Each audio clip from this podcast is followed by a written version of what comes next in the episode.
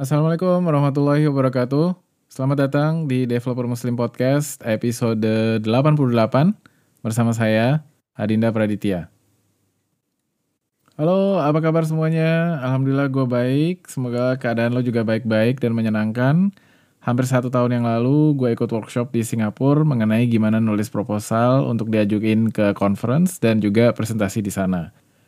Pas gue tahu ada acara seperti ini, gue pun terkagum-kagum mikir, gila nih aktivis komunitas di sini. Mikirnya kayak selangkah lebih maju gitu loh. Saat negara tetangga aja belum sebanyak Singapura ngadain conference, mereka udah berusaha untuk nyiapin supply pembicara-pembicaranya gitu kan. Gila banget. Baik, makasih udah dengerin podcast ini bahas seputar developer, apa yang bikin mereka produktif, berkembang, dan peduli sama lingkungan. Cuplikan episode yang udah dirilis, sebagiannya bisa dilihat di instagram.com slash devmuslimid. Baik, lanjut lagi. Jadi acara yang gue ikutin itu namanya Global Diversity CFP Day. CFP-nya itu singkatan dari Call for Proposal. Gak tahu kenapa gue ngiranya itu cuma diadain di Singapura dan mereka lah penggagas pertama kali gitu ya. Mungkin karena websitenya belum populer atau kehadiran pengurus globalnya ini masih secara online itu kayak ala kadarnya atau gaungnya belum nyampe gitu ya. Dan saat acaranya pun gue masih belum ngeh kalau acaranya itu sebenarnya diselenggarakan secara serentak di berbagai kota di seluruh dunia. Mungkin karena udah terlalu seneng karena ada yang peduli sama area ini gitu ya, sama gimana ngasih bimbingan untuk developer-developer untuk mempersiapkan uh, berbicara di conference gitu. Tapi apa pun itu, alhamdulillah gue bersyukur dan super seneng banget kalau tahun ini acara yang sama akan digelar di Jakarta. Dan gue berkesempatan untuk ngobrol bareng sama panitia-panitianya. Yeah. Baik, sebelum gue lanjut, gue mau minta hal kecil nih sebentar gue nggak peduli lo lagi dengerin dari handphone, dari desktop atau laptop. Oke, okay? siap? Gue minta tolong lo untuk bikin pengingat, reminder atau tandain deh tuh kalendernya. Akhir November. Ya, akhir November, oke? Okay? Ada apa di akhir November? Jauh banget di akhir November pakai ingetin segala. ya, karena jauh makanya gue minta tolong dari sekarang biar nggak kelupaan. Justru karena itu gitu ya. Baik, pokoknya akhir November lo tandain tuh kalender untuk bilangin ke komunitas developer atau programmer untuk ngadain acara Global Diversity CFPD tahun depan. Bener banget. Karena lu nggak mau nyanyain kesempatan kayak gini, karena syaratnya itu sederhana dan komunitas di kota mana pun tuh sebenarnya bisa ngadain acara yang seperti ini dan serentak di seluruh dunia gitu ya. Dan yang bikin seru adalah lo dapat pengalaman yang super unik dalam mempersiapkan acaranya karena dibimbing dan juga berkomunikasi lintas negara. Makanya lo juga bantuin sebisa mungkin, jangan cuma ngingetin atau nyuruh pengurus komunitas aja untuk ngadain, tapi sebisa mungkin lo terlibat dan bantu. Jadi dengerin deh nih baik-baik obrolan gue bareng panitia dan fasilitator Global Diversity CFPD Jakarta 2019 mereka adalah Galuh Sahid dan Rizky Kalimutu. Gue bersyukur dan ucapin banyak terima kasih sama mereka yang udah berkolaborasi menyiapkan episode ini. Terutama buat Mozilla Indonesia yang juga udah mengenalkan uh, mereka. Baik, ini dia obrolannya. Selamat menikmati. Permisi, sebelum gue lanjutin, ada pesan-pesan sponsor dulu nih. Dengerin ya. Silakan mas, diputar. Makasih buat waktunya. Sekarang dengerin lanjutannya yuk. Oke, alhamdulillah gue udah terhubung nih sama Mbak Galuh. Beliau adalah uh, data engineer di Gojek dan organizer dari Global Diversity CFP Day 2019 di Jakarta. Uh, silakan Mbak uh, kenalin diri. Selamat datang di podcast. Thank you. Uh, nama aku Galuh. Uh, hmm. Sekarang uh, ya data engineer di Gojek. Um, sebelumnya aku kuliah di Fasilkom UI, Fakultas Ilmu Komputer, baru lulus sekitar uh, setahun lalu, abis itu langsung kerja di sini. Oke, okay, terus uh, tamu gue sekarang ada dua. Satu lagi adalah Mbak Kiki, yaitu Rizky Kali Mutu, Community Development Team di Mozilla Indonesia, dan sekarang jadi fasilitator di Global Diversity CFP Day yang akan kita bahas nanti. Silakan Mbak, selamat datang di podcast. Silakan kenalin diri. Uh, ya, makasih. Halo semuanya, nama aku Kiki. Um, seperti yang tadi dijelasin sama masnya, saya sekarang kerjanya di Mozilla sebagai koordinator. Terus apa lagi ya? Terakhir pendidikan terakhir saya dulu kuliah di Semarang satu hmm. kampus sama Mas Biki Arga yang waktu itu pernah ngisi juga di iya, betul. Oktoberfest kalau nggak salah. Iya iya Oktoberfest ya. Nah itu uh, sebelum saya sebenarnya jadi programmer juga tapi programmer murtad. jadi sekarang udah gak ngoding lagi. Uh, Oke. Okay. Iya nih, um, sekarang kita lagi mau bahas uh, Global Diversity CFPD. Kemarin uh, gue ngecek Instagram, gue lihat di Mozilla Indonesia, ternyata di Jakarta ngadain untuk tahun 2018 ini, jadi gue seneng banget. Akhirnya Jakarta bisa nyusul. Mungkin ke Mbak Galuh dulu kali ya. Uh, Global Diversity CFPD itu apa sih? Jadi uh, Global Diversity CFP Day itu merupakan uh, workshop uh, yang berlangsung serentak di seluruh dunia di tanggal 2 Maret 2019. Jadi uh, sebenarnya nggak cuma di Jakarta aja, tapi di Singapura, kemudian di Amerika, di Eropa, di Afrika, itu juga uh, berlangsung acara yang sama. Nah tujuannya ini adalah untuk uh, istilahnya mengencourage uh, teman-teman yang mungkin uh, berminat untuk menjadi speaker di uh, konferensi teknologi khususnya untuk hmm. uh, yaitu untuk menjadi tech speaker gitu tujuannya sih itu jadi nanti uh, di acaranya bakal ada uh, talks dari tech speaker yang udah berpengalaman kemudian juga bakal ada kegiatan-kegiatan gimana sih cara uh, kita bisa menjadi tech speaker langkah-langkah apa aja yang harus uh, dilakukan dan best practice-nya kayak apa gitu. Hmm, iya, iya. Mbak Kiki mungkin ada yang mau ditambahin dari itu? Um, apa ya? Mungkin sama aja sih kayak gitu dan um, memang kalau menurut saya sendiri di Indonesia itu masih kurang banget ya orang yang mau ngomong di acara conference gitu. Karena hmm. seringnya kalau misalkan aku pergi ke seminar apa atau ke conference apa gitu, pasti orangnya itu-itu aja yang jadi pembicara kan. Hmm, jadi menurut yeah. aku uh, ngadain acara ini tuh aku pengen lihat kayak semakin banyak orang atau semakin banyak programmer yang uh, mau speak up, mau bagi apa yang ilmu apa aja yang mereka pelajari selama ini kayak gitu. Karena menurut aku banyak banget keuntungannya kita mau ngomong di acara conference kayak gitu karena bisa nama temen, nambah ilmu kayak gitu gitu kan. Jadi ya hmm. pengennya banyak orang lagi untuk uh, ikutan ngomong di acara conference gitu. Oke, okay. berarti ini yang pertama kali ya di Indonesia ya, Mbak Kiki? Iya. Oke. Okay. Iya, sebenarnya tuh tahun lalu saya pengen ngadain juga. Uh, udah tahu kalau ada acara kayak gini kan. Cuman waktu itu kalau nggak salah persiapannya mepet banget. Jadi kayak nggak sempet persiapin persiapan banyak. Akhirnya ya udah nggak jadi hmm. untuk. Iya, padahal kan tahun lalu nggak serentak ya. Kayak apa serentak namanya? Juga.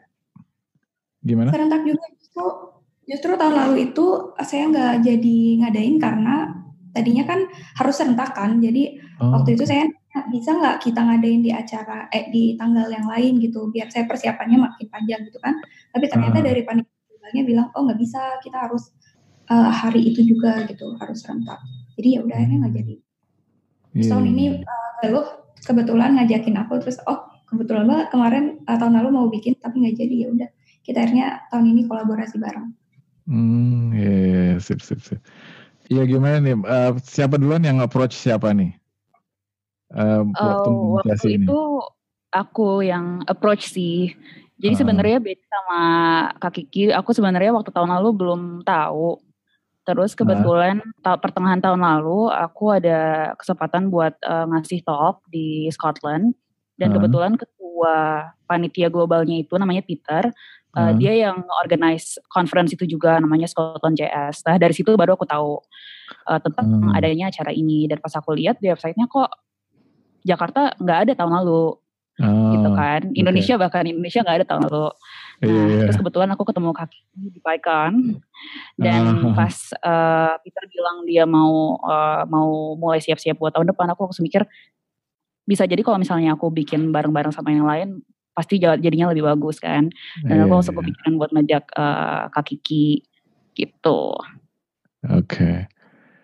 Ya, terus jadi kayak gitu tuh diundang atau karena kita tahu sendiri terus baru minta uh, apa diadainnya serentak atau gimana? Uh, Mbak Kiki mungkin. Gak ada undang-undangan sih ya sebenarnya itu gitu. bebas aja kalau misalkan kalian mau ngadain di kotanya masing-masing juga boleh asal karena kan uh, kita dari panitia globalnya ada syarat-syarat tertentu, ada requirement tertentu, ya hmm. asal ngikutin requirement itu aja, karena mereka punya standar uh, kualitas sendiri kan. Oh gitu, iya, bisa di itu nggak bisa diceritain nggak gimana ininya syarat-syaratnya di antaranya gitu?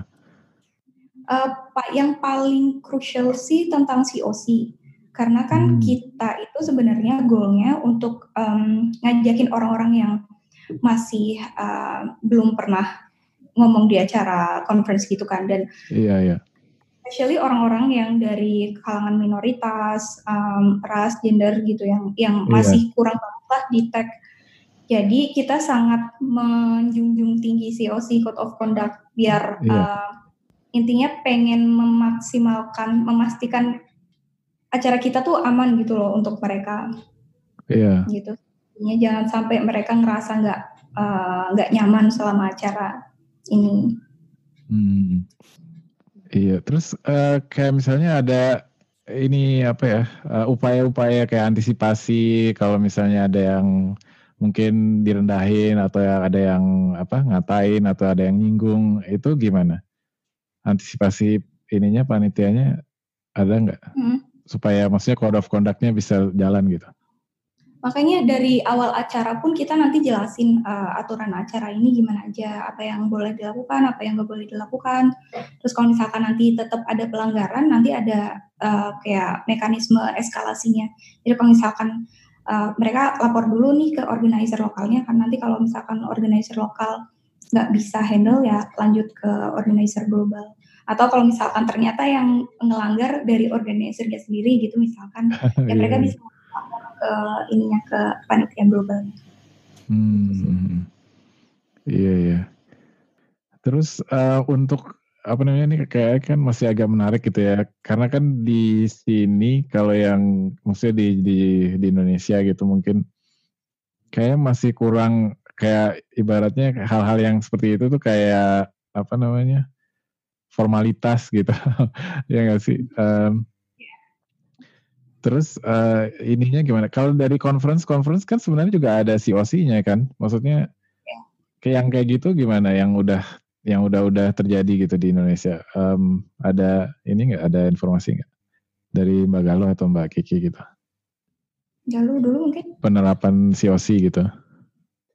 Kalau misalnya di Indonesia, uh, jujur aku belum pernah uh, jadi panitia, I mean kayak conference di Indonesia. Jadi kalau misalnya code of conduct sendiri aku kurang tahu. Tapi kalau misalnya hmm. dari sebagai attendee, untuk misalnya dulu waktu aku datang ke PyCon Indonesia itu udah ada code of, code of conduct dan yeah. Iya. uh, udah sering waktu itu juga diingetin juga bahwa ada code of conduct uh, sebelum dan di tengah-tengah acara juga sering diingetin gitu. Hmm.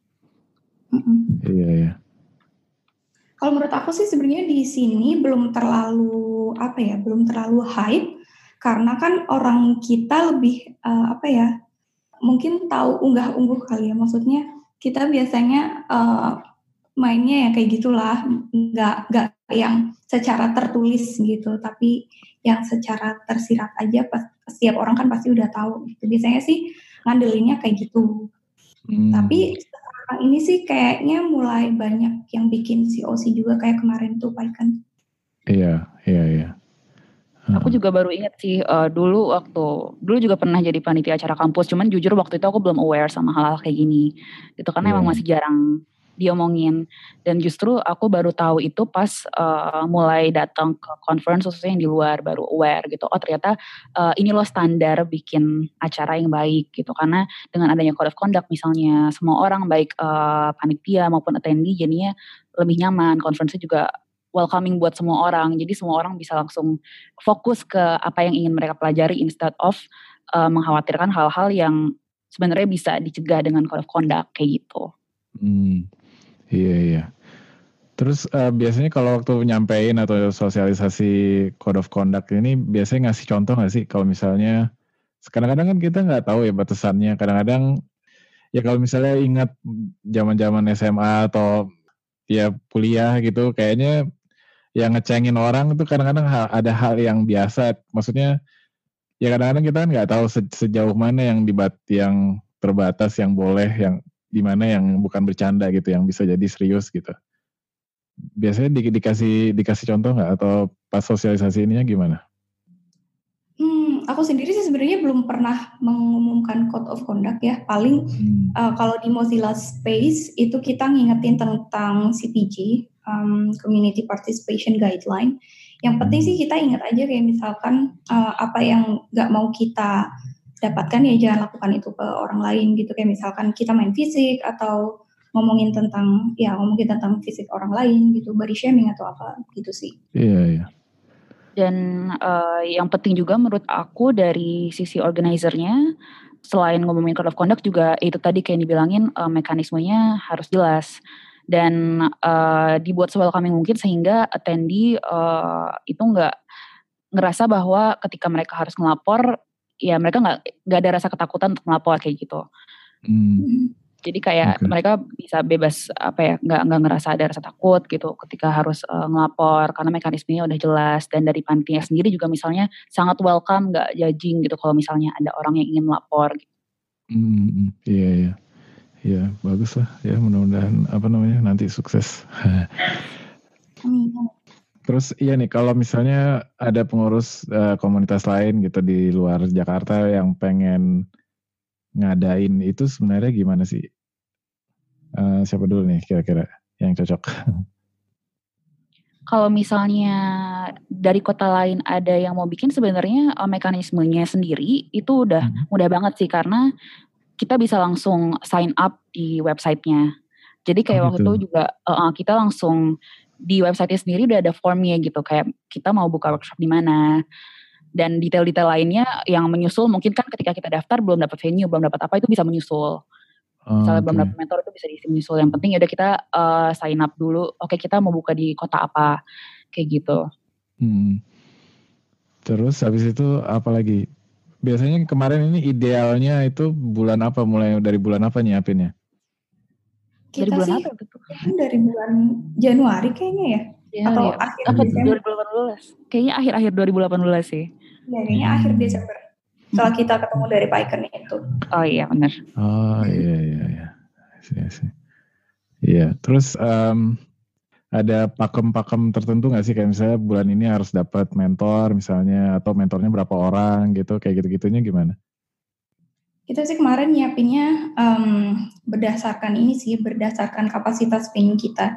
Jadi karena Mozilla Space sendiri kan nggak terlalu gede ya, jadi kita pikir mungkin maksimal uh, partisipan nanti paling 20 udah maksimal banget. Jadi kita pikir kalau misalkan 20 peserta berarti mungkin perlu siapin empat mentor biar satu mentor nanti nanganin lima orang nggak kebanyakan gitu jadi masih hmm. bisa tetap fokus nantinya iya iya benar-benar itu okay. sih iya terus um, berarti sebenarnya kayak ngadain pengen ngadain ya workshop sederhana aja gitu ya? Hmm, ya sama aja sebenarnya cuman uh, tantangannya di nyari ini juga sih di nyari apa namanya mentor karena kan hmm. kita juga pengen nggak sembarangan untuk nyari mentor. Bener-bener pengen yang uh, udah pengalaman dan nyari beberapa apa ya beberapa perspektif juga. Kayak misalkan kita ada nyediain mentor yang emang organizer conference terus ada yang emang sering ngomong di conference gitu sih. Iya iya betul betul. Juga gitu jadi nggak semuanya itu. Iya benar-benar. Iya ya mudah-mudahan nanti apa namanya ya ke depannya pasti lebih ini lagi lah lebih baik lagi gitu ya. Hmm. Terus kalau dari uh, panitia pusatnya sendiri ada kayak guidance gitu nggak sih? Kalau dari panitia globalnya mereka sendiri udah nyiapin uh, banyak sih sebenarnya. Pertama uh, schedule. Jadi sebenarnya mereka udah nyiapin uh, schedule, cuman uh, ditegesin juga bahwa kita bebas banget ngubah formatnya. Hmm. Jadi uh, dari kita sendiri juga uh, melakukan beberapa perubahan. Misalnya kalau di schedule aslinya itu mereka banyak nampilin video baru diselingin sama kegiatan kelompok. Nah sementara uh, dari kita sendiri bakal nge-replace video itu dengan mentor-mentor uh, kita yang bakal ngasih uh, talk juga di situ secara langsung. Hmm. Gitu yeah. itu salah satunya. Iya yeah, iya. Yeah. Mantap. Kira-kira ada lagi nggak untuk untuk ini nih untuk topik ini supaya uh, apa namanya uh, aktivitas komunitas ini bisa ngadain juga gitu. Kira-kira apa lagi ininya yang yang perlu diketahui? Um, apa ya? Mungkin kalau kita sih nyiapin, aku kalau aku sendiri sih sebenarnya personally pengen nyiapin link-link tentang CFP yang ada di sekitaran Indonesia. Jadi buat ngasih resource ke peserta nanti biar. Mereka bisa langsung kayak praktek gitu habis hmm. dari acara ini. Iya, yeah, iya. Yeah. Oke. Okay. Ya mungkin nanti uh, apa namanya antara kota mungkin ada ininya sendiri lah yang untuk apa koordinator untuk Indonesia gitu mungkin saling bantu karena yang yang Jakarta udah mungkin bisa kasih apa namanya uh, apa ya input gitu kan. Iya bener banget sih sebenarnya uh, harapannya sih di tahun depan juga banyak kota-kota uh, lain juga yang uh, berpartisipasi karena kan kalau misalnya sekarang di Jakarta Padahal sebenarnya banyak juga orang lain yang mungkin tertarik tapi karena mereka di kota lain jadi nggak bisa datang gitu hmm. dan ya harapannya sih nanti kalau misalnya di kota lain banyak yang buka di Indonesia ya kita bisa saling bantu baik yeah. itu iya. dari sisi uh, agendanya baik kayak gimana, resource dan eh, lain-lain gitu. Dan sebenarnya salah satu yang unik menurut aku uh, berpartisipasi di acara ini karena ini merupakan global. Jadi kan panitianya nggak cuman kayak misalnya uh, kita berdua doang, tapi juga banyak di kota-kota lain. Dan yeah. Iya. uh, dari situ juga kita bisa belajar juga, oh kota lain tuh nge acaranya gimana sih kayak gitu. Dan itu menarik yeah. sih, itu bisa jadi hal pembelajaran juga buat kita. Iya, yeah. yeah, benar. Benar-benar. Terus um, target utamanya apa nih? Kan karena apa venue-nya nggak banyak gitu kan, pasti apa milih-milih atau gimana? target utama maksudnya um, target peserta atau iya target goal? peserta target peserta iya. kalau target peserta sih sebenarnya ya itu tadi ya orang-orang yang belum pernah um, jadi pembicara di acara technical uh, conference gitu hmm. uh, dan orang terutama orang-orang yang dari kelompok minoritas atau yang um, yaitu yang masih representasinya masih sangat kecil di dunia tech gitu dan bahkan hmm. kemarin sempat ngobrol sama Galung juga, kita mau uh, restrict pesertanya nggak nih uh, atau semuanya boleh aja meskipun cowok gitu. Aku uh. pikir uh, ya kita pikir kalau di Indonesia sendiri kan juga sebenarnya cowok pun masih minoritas kan kalau di uh, bandingin sama ya, sama kalangan yang lain. Kalau misalnya kita bawa ke conference internasional kan sebenarnya orang Asia, Southeast Asia apalagi itu kan masih sangat kurang jadi ya udahlah semua dibuka untuk semuanya aja hmm, hmm, hmm. tapi nggak ada kayak apa slot gitu yang pokoknya ya setidaknya yang perempuan uh, 30 persennya gitu atau 10 persen atau berapa persen gitu nggak ada nggak ada kuota um, sebenarnya kita kan juga uh, apa namanya buka pendaftaran itu lebih dari tiket ini ya tiket yang sebenarnya lebih dari kuota hmm. karena biasanya acara gratis itu orang-orang cenderung pada daftar doang tapi nggak datang gitu. Oh, Jadi okay. nanti uh, pada akhirnya kalau misalkan yang datang uh, uh, nggak karena kita nanti bakal kirim konfirmasi juga kan. Jadi mungkin kalau misalkan lebih banyak cowok ya kita kasih slotnya bakal prioritasin ke yang lebih minoritas gitu sih mungkin. Hmm. Iya iya. Iya ya. Um, waktu daftar ini ada kayak persyarat kayak apa yang mau disampaikan nggak di conference. Jadi untuk nunjukin keseriusan gitu, nggak sekedar nanti cuma nonton doang, tapi dia juga sebenarnya ada yang mau disiapin untuk bicara di conference gitu. Ada nggak? Uh, mungkin mau cerita tentang tugas kita. Kalau misalnya pas pendaftarannya sih nggak ada ya. Cuman uh. nanti uh, kita bakal kirim semacam kayak worksheet gitu, isinya adalah itu ya buat uh, teman-teman peserta nanti ngumpulin ide-ide mereka. Kira-kira mereka pengen ngomongin apa di conference. Sebenarnya uh, ini supaya ini aja sih, supaya nanti pas di hari H ketika ada kegiatan menulis proposal udah nggak mikir from scratch lagi kayak gitu. At least kayak udah ada hmm. gambarannya, oke okay, kira-kira topik yang aku tertarik misalnya Node.js gitu, terus atau misalnya yeah. Python atau apa gitu. Itu sih paling. Hmm, iya iya. Tapi bukan jadi ini ya, bukan jadi syarat atau apa maksudnya supaya terfilter secara alami gitu. Enggak kok. Bukan itu sebenarnya kayak uh, kita pengen ngasih ruang lebih buat orang-orang yang mungkin nggak bisa mikir uh, cepat atau mikir pas di pressure itu jadi kita hmm. kasih waktu buat mereka untuk mikir tentang topik apa sih kira-kira yang bakal mereka explore nanti pas bikin uh, proposal talknya yeah. karena kan ada beberapa orang yang mungkin nggak bisa mikir cepat secara yeah, apa yeah.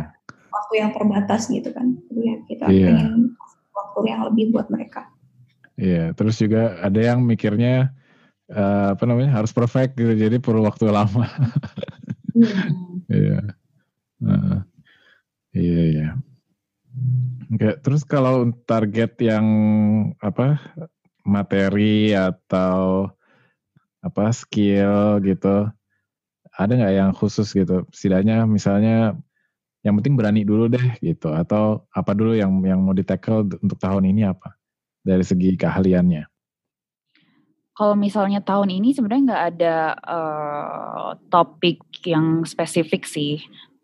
Masih apa ya lebih general uh, ya CFP proses itu seperti apa kemudian gimana caranya membuat talk yang bagus. Dan sebenarnya kalau misalnya sebenarnya sih uh, menurut kalau dari pandangan aku pribadi kadang uh, bahkan awareness tentang meet up dan conference itu sendiri aja kadang-kadang masih uh, masih banyak orang yang kurang tahu gitu. Jadi sebenarnya kita juga di sini pengen ningkatin awareness juga bahwa hmm. ada lo banyak lo meet up dan conference dan yang paling penting adalah lo bisa lo ngomong di sini yeah. gitu karena kadang-kadang orang mikirnya aduh kayaknya yang bisa ngomong di conference tuh cuma orang-orang yang misalnya posisinya udah tinggi atau apa dan harus diundang padahal tuh enggak gitu iya betul iya iya uh. iya kemarin juga pas uh, event page-nya pertama kali naik, ada yang langsung protes, itu CFP apa ya kepanjangannya gitu. Kenapa nggak dijelasin di halaman terus karena diprotes gitu ya udah kita tambahin CFP ini kayak gini. Karena ya emang kayak gitu orang-orang ternyata belum banyak yang uh, aware kalau ternyata ada kesempatan lo untuk ngomong di acara conference kayak gitu. Kalian bisa ngajuin topik masing-masing kayak gitu. Iya kalau kayak kalau kalian punya ide, punya pengalaman, punya apa pun itu uh, regardless uh, background, regardless uh, sekarang posisinya apa segala macam itu sebenarnya semua orang punya kesempatan yang sama buat ngomong di conference. Gitu. Iya, iya. Dan biasanya uh, ya gue sendiri bukan ini kan apa bukan panitia gitu, cuman kan ada slot yang buat orang-orang baru kan ya biasanya. Tergantung conference-nya. Hmm, oke. Okay. Iya, iya, iya. Ya, tergantung organizer masing-masing kan. Hmm, iya, iya. Oke. Okay. Terus um, apa namanya dari dari pusat itu pengarahannya itu kayak gimana? Jadi cuman kayak kayak apa kayak template gitu yang yang acaranya ini ini ini gitu sebagai apa kayak cuman contoh atau misalnya ada bimbingan langsung atau misalnya ditanyain gimana progres lo gitu atau apa gimana? Bentuknya seperti apa? Kalau misalnya ke panitia yang global sendiri, uh, kita semua organizer ada uh, di Discord. Jadi biasanya kalau misalnya ada info-info penting atau itu ya semua orang uh, koordinasi di situ, mostly, mostly koordinasi hmm. di Discord.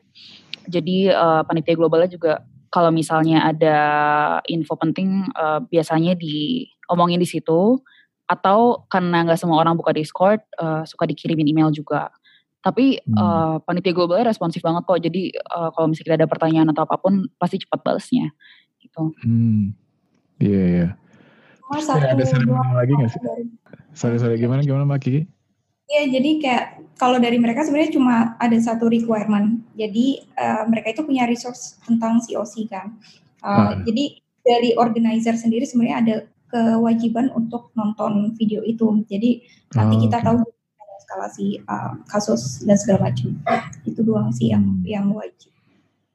Iya iya iya. Mantap, mantap. Nah, yang yang kayak gitu gitu maksudnya yang yang yang bisa di ini jadi kita ada apa namanya? Oh, ternyata sampai kayak gini itunya uh, penerapannya dan ke seserius apa kita menjunjung tinggi itunya code of conduct-nya itu gitu kan. Iya. Yeah. Oke. Okay.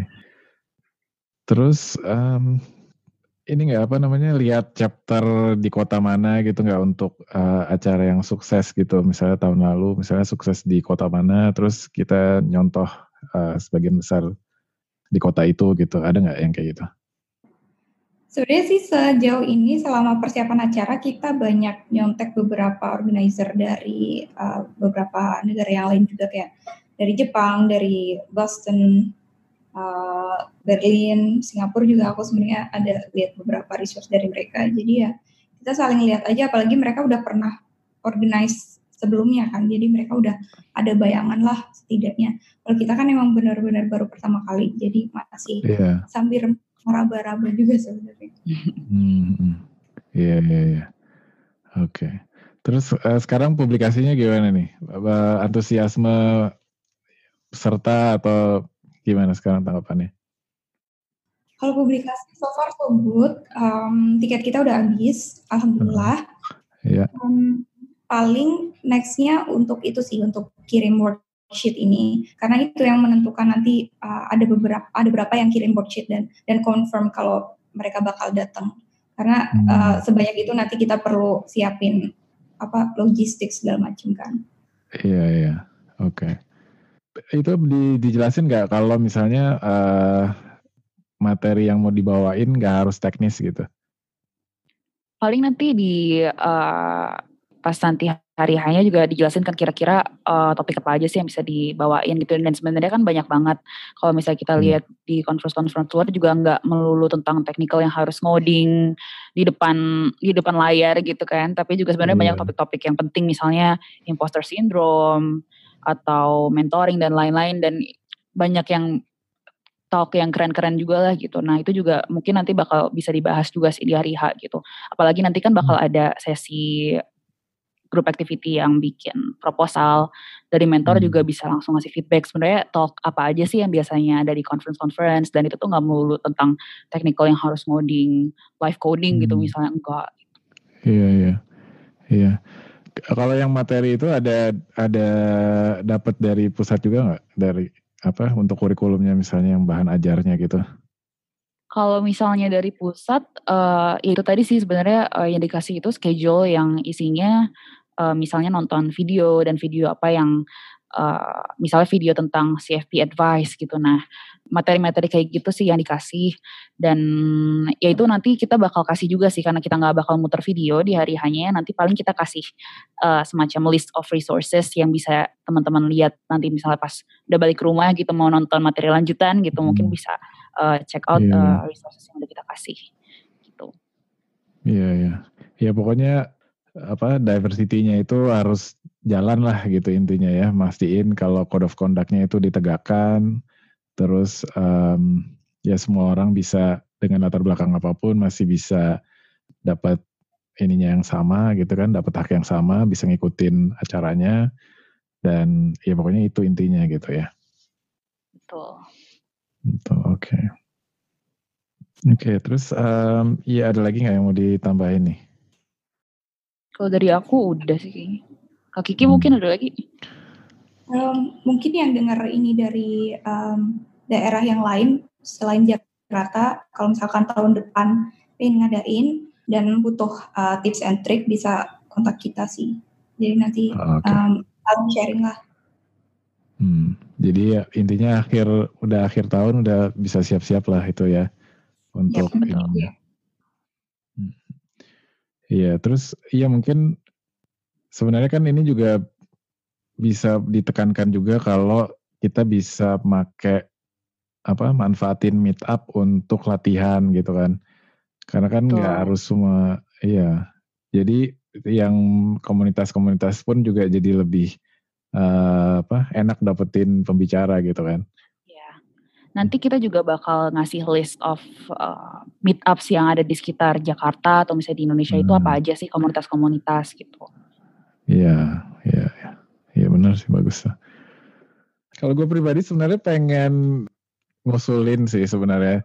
Sebenarnya kalau misalnya lo yang dengerin ini pengen bahas sesuatu di meet up, bahkan sebelum meet up pun uh, lo bisa bahas di podcast gitu kan.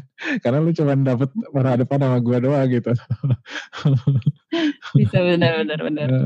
Jadi oh. uh, dan itu juga nanti terakhir bisa diedit lah bisa apa. Yang penting uh, lo udah bisa nyiapin bahannya, terus habis itu bisa nyampein dan kalau misalnya gue jawab, eh gue tanya bisa jawab gitu kan. Um, betul, urusan nanti uh, public speaking ya itu emang harus di meet up yang sesungguhnya gitu. Iya sih.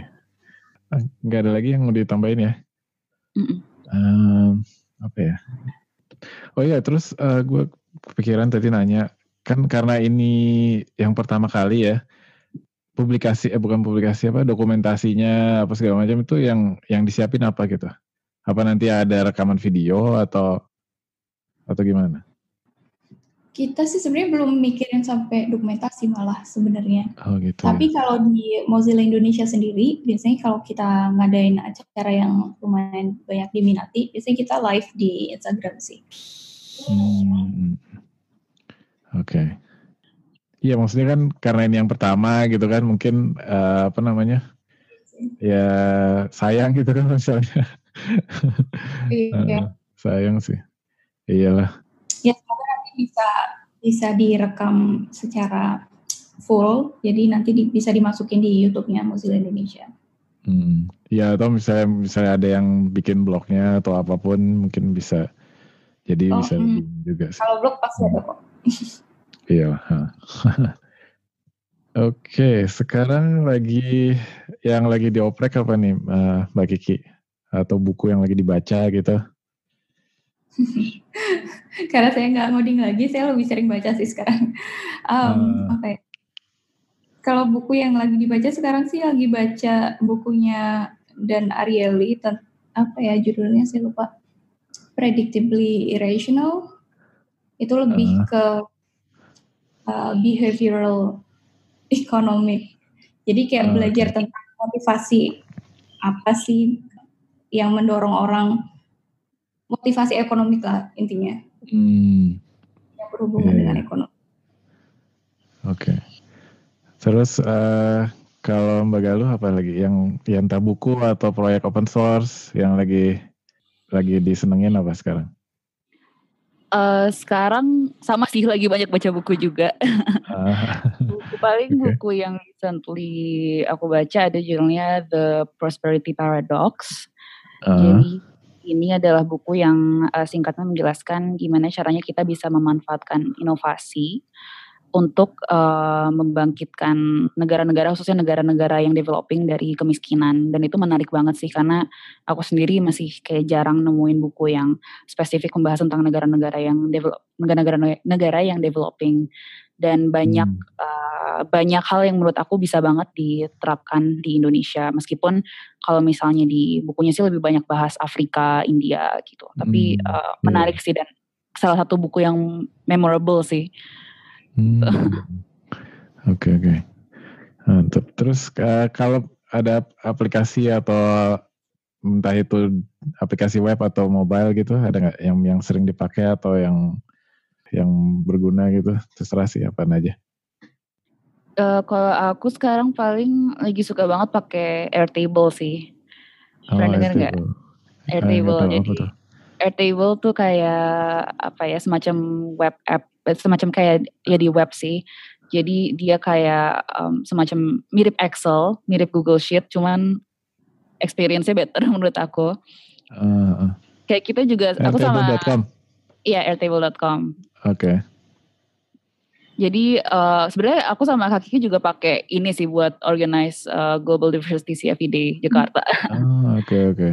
Cuman ya aku juga banyak pakai misalnya buat bikin nyusun itinerary jalan-jalan atau buat uh, ya bikin hmm. list-list. Itu enak sih. Iya yeah, iya yeah, iya. Yeah. Kayak apa Trello gitu ya? Iya semacam kayak Trello gitu. Ya hmm. Ya kayak apa ya? Sheet gabungin sama Google Sheet gabungin sama Trello gitu. Oke okay, oke. Okay. Nice. Oke, okay, kalau Mbak Kiki apa Mbak Kiki? Ada? Um, sekarang sih lagi jatuh cinta sama Notion. Sama Notion, oke. Okay. juga. Uh, yeah. Sebenarnya udah lama direkomendasi sama temen, uh, tapi baru nyobain tuh kayak minggu lalu terus langsung, kenapa aku nggak pakai dari dulu? itu keren banget. Iya, iya. Iya benar-benar keren keren keren. Notion.so ya. Iya. Eh, .io bukan ya? Ah ya, oke okay, nanti nanti edit dicek deh. Oke, sekarang uh, iya kalau untuk Mbak Kiki apa nih sekarang ininya uh, yang mau dikerjain ke depan apa? Kerjain ke depan um, apa ya? Kalau dari kerjaan sih ya tetap ngurus komunitas karena sekarang kita lagi kehilangan dua community manager jadi lumayan oh. lagi lumayan banyak kerjaan di um, di kantor. Tapi selain itu iya. juga aku lagi bikin buku, lagi nulis buku. Sekarang masih oh, proses yes, editing ya, semoga bisa publish. Oke uh, oke, okay, okay. belum belum bisa disebut ya? Mengenai apa atau apa gitu belum ya? Oke. Sinopsis, sinopsis. sinopsis. Oke. Okay. Um, ya kalau Mbak Galuh apa nih? Ke depannya apa? Uh, apa ya? Paling lagi mikir sih kira-kira bisa bikin open source project apa lagi. Soalnya uh, tahun lalu lumayan bikin uh, banyak meskipun kecil-kecil cuman kayak tools-tools uh, lucu gitu. Nah sekarang kayak lagi brainstorming kira-kira bikin apa nextnya. Tapi belum tahu hmm. sih. oh, oke. Okay. sebelumnya kamu bikin apa? Sebelumnya aku ada bikin semacam kayak lorem ipsum tapi instead of lorem ipsum di replace sama makanan Indonesia Uh, Oke. Okay. Terus ada juga yeah. uh, semacam editor untuk uh, kan kalau misalnya kita di Bash itu kan bisa ganti-ganti warna gitu kan, ganti-ganti uh. warna, terus ganti-ganti ini. Nah, uh, aku bikin semacam editornya supaya kita uh, kalau misalnya pengen ganti warna atau apa kan kode aslinya panjang banget kayak uh, yeah. apa terus kayak panjang banget terus kayak kode semua gitu. Nah aku bikin editornya supaya nanti uh, kita tinggal drag and drop Hmm. Habis itu hmm. bisa uh, drag and drop, habis langsung muncul previewnya kayak gimana, kodenya apa, langsung kopas di terminal langsung jadi. Oke, okay. oh, drag and dropnya di di terminal. Kenapa? Drag and uh, dropnya di terminal. Uh, drag and dropnya di web app. Uh, Oke. Okay. Nanti mungkin aku bisa share juga uh, linknya. Oke. Okay. Iya. Sip, Jadi sip, nanti orang tinggal kopas dari kodenya, dikopas ke terminal mereka masing-masing, terus langsung berubah semuanya tanpa pusing mikirin kodenya apa gitu, ganti warna merah aja ribet banget gitu kan. Oh iya iya benar-benar. Itu apa kode itunya ya, kode warna itunya ya. Mm -mm. Mm -mm. Keren, itu keren. Dan, dan ya masih banyak lagi. Oke. okay. Iya deh, makasih banyak nih uh, udah datang, udah bantuin. Mudah-mudahan uh, bisa jadi apa masukan buat teman-teman developer ataupun siapa pun uh, sama aktivis komunitas buat ngadain hal yang sama gitu ya. Um, iya, oke, okay, makasih banyak Mbak Galuh, Mbak Kiki. Thank you. Oke. Okay. juga. makasih. Baik, itu tadi obrolan gue bareng Galuh dan Kiki, Panitia Global Diversity CFP Day Jakarta 2019. Semoga acaranya tanggal 2 Maret nanti berjalan dengan lancar dan sukses. Amin. Seperti yang disampaikan Mbak Kiki, mungkin akan live di Instagramnya Mozilla Indonesia. Jadi, um, jadi jangan lupa follow Instagramnya supaya nggak ketinggalan nanti. Selamat buat mereka-mereka yang beruntung bisa hadir dan ngikutin acaranya nanti. Gue harap kalian sadar kalau kesempatan itu benar-benar langka karena topiknya penting dan sangat jarang terjadi. Semoga nanti gue bisa ngobrol bareng satu atau dua peserta yang berprestasi untuk ceritain pengalamannya ngikutin acara itu. Seperti yang udah dijelasin sama panitia, kayaknya tantangan terbesarnya untuk ngadain acara ini adalah mencari pembimbing atau mentor yang berkompeten karena materinya nggak sembarangan. Nah, sebagai tambahan gue bisa kasih alternatif solusi untuk ini. Mungkin Google Developer Expert atau mungkin juga Mozilla Text Speaker. Gue nggak tahu kalau Mozilla Text Speaker ya, cuman untuk Google Developer Expert kita bisa ngundang mereka untuk berbicara di acara developer gitu. Jadi acara yang kita siapkan dengan dukungan akomodasi dan penginapan dari Google. Jadi belum lama ini Mas Riza Fahmi salah satu Google Developer Expert atau GDE itu cerita di podcast beliau mengenai Google Developer Expert. Dan gue sekarang mungkin bisa masukin klip uh, bagian dari podcast ceritanya developer episode bonus yang ketiga saat uh, Mas Riza Fahmi ini ditawarin untuk daftar jadi Google Developer Expert gitu ya. Beliau bertanya seperti ini, silakan dengerin. Oke, okay, uh, eh, saya jawab gini.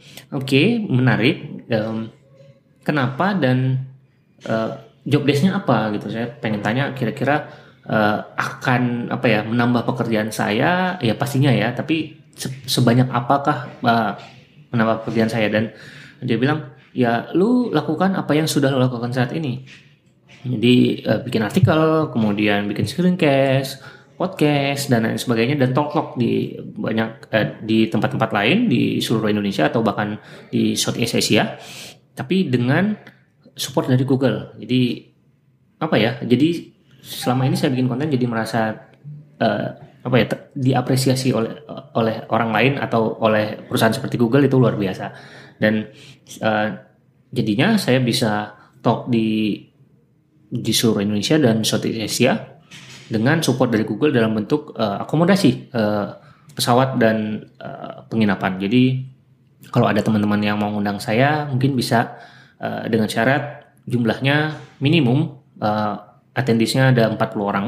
Itu udah cukup untuk Google bisa membiayai saya untuk terbang dan nginep di uh, suatu tempat. Makasih banyak informasinya Mas Riza. Silahkan dengerin episode ceritanya developer yang judulnya Chrome Dev Summit untuk dapat pengalaman beliau secara menyeluruh. Itu bagus banget. Semoga itu bisa jadi solusi. Terakhir gue cek ada 8 orang GDE di Indonesia.